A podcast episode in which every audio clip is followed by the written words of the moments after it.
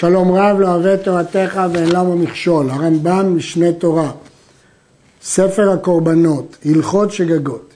הלכות שגגות עוסקות בדיני קורבנות המובאים על עבירות שנעשו בשוגג, קורבן חטאת, אשם תלוי, אשם ודאי, קורבן עולה ויורד וקורבן שגגה של בית דין.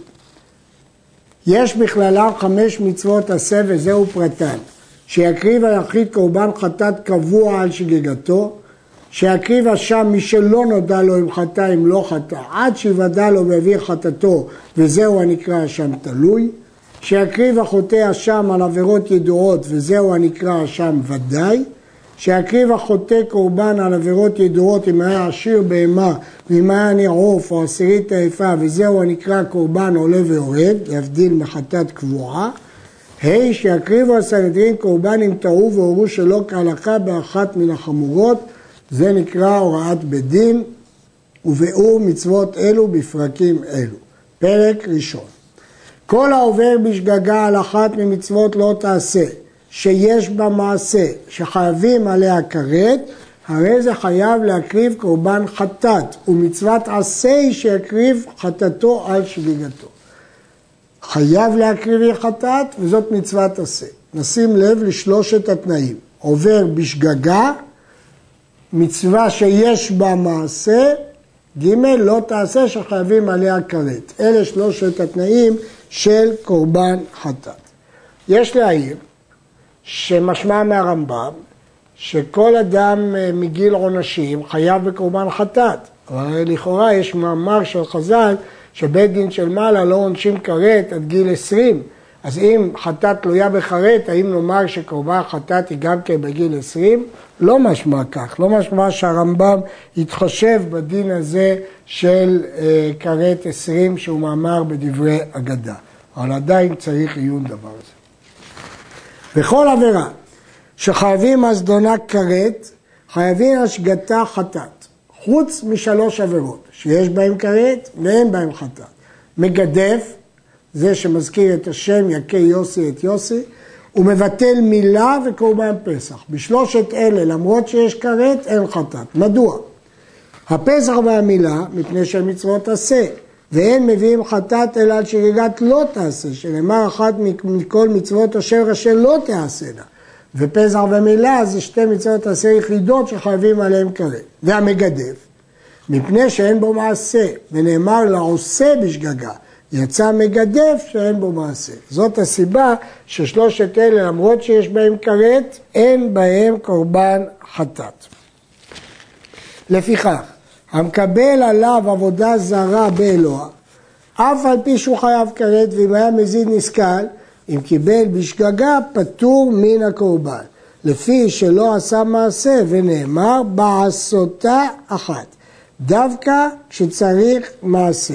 שים לב שהרמב"ם הזכיר שני פסוקים, פסוק אחד קודם לעושה בשגגה, אשר לא תעשנה, דווקא מעשה, ופה עוד פסוק שדווקא מעשה, בעשותה. מרי קורקוס מסביר למה צריך שני פסוקים, אחד למקרה שעליו הוא במציאות אין בו מעשה, כמו מגדף, והמקרה השני שיש בו מעשה, מי שמשתחווה לעבודה זרה, אבל במקרה הזה הוא לא עשה מעשה, אלא קיבלו בלב לאלוה. כל כרתות שבתורה, חוץ משלוש כרתות שביארנו, אם עבר היחיד על אחת מהן בשגגה, מביא חטאת קבועה. קבועה, כלומר לא משנה אם הוא עשיר או עני.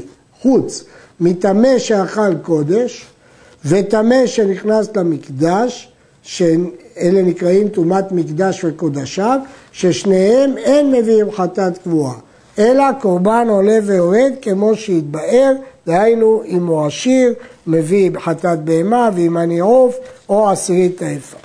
חטאת קבועה היא הבאה מן הבהמה בלבד.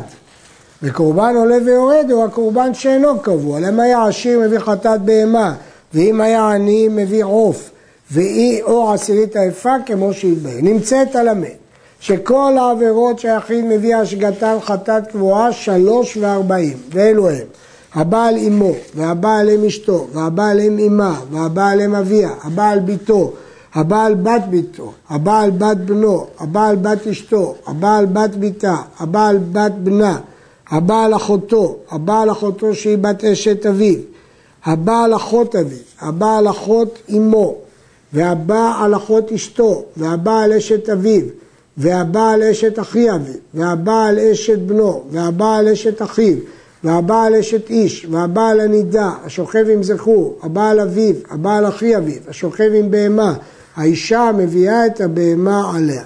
נמצאו כל כרתות שבאריות שישה ועשרים. ובשאר העבירות שבעה עשר, ואלו הם העובד עבודה זרה במעשה, לא שמקבלו בלב, הנותן מזרעו למולך, בעל אוב, בעל ידעוני במעשה, המחלל את השבת, העושה מלאכה ביום הכיפורים, האוכל ושותה ביום הכיפורים, האוכל חמץ בפסח, האוכל חלב, האוכל דם, האוכל נותר, האוכל פיגול, השוחט קדשים חוץ לעזרה, המעלה קורבן חוץ לעזרה, המפטם את שמן המשחה, המפטם את הקטורת, עסק בשמן המשחה, הרי אלו שלוש וארבעים עבירות שמביאים על שגיגתן חטאת קבועה. ואם עשה את כולם בעיניהם אחד, חייב על כל אחת ואחת. המשנה בכריתות מונה רק 36 כריתות, והרמב"ם מונה כאן שלוש עבירות, מ"ג עבירות שחייבים עליהם חטאת. הפער נובע מכך שהמשנה מנתה שמות כוללים של עבירות, והרמב"ם פירט את כל הפרטים, אחותו, אחותו מאביו וכדומה. הלחם משנה מקשה על הרמב"ם, מדוע השמיט את אשת אחי אמו שמנויה במשנה. ומהו הקורבן שמביא השוגג באחת מאלו? אם בעבודה זרה שגג, מביא עז בת שנתה לחטאת, והיא אמורה בפרשת שלח לך. בין שהיה עושה אדיוט או מלך או כהן משיח, הכל שווים בשגיגת עבודה זרה, שיעז בת שנתה. אבל אם שגג באחת משאר שתיים וארבעים, אם האדיוט מביא שעירת עזים או נקבה מן הכבשים, וזוהי חטאת של אחד מעם הארץ האמורה בפרשת ויקרא. דהיינו חטאת רגילה היא כסבה או שעירה, תמיד נקבה. ואם המלך הוא ששגג באחת מהם, מביא שעיר עזים לחטאת. ואם כהן משיח הוא שמשוח בשמן המשחה, מביא פר בן בקר לחטאת והוא נשרף כמו שנתפרש שם.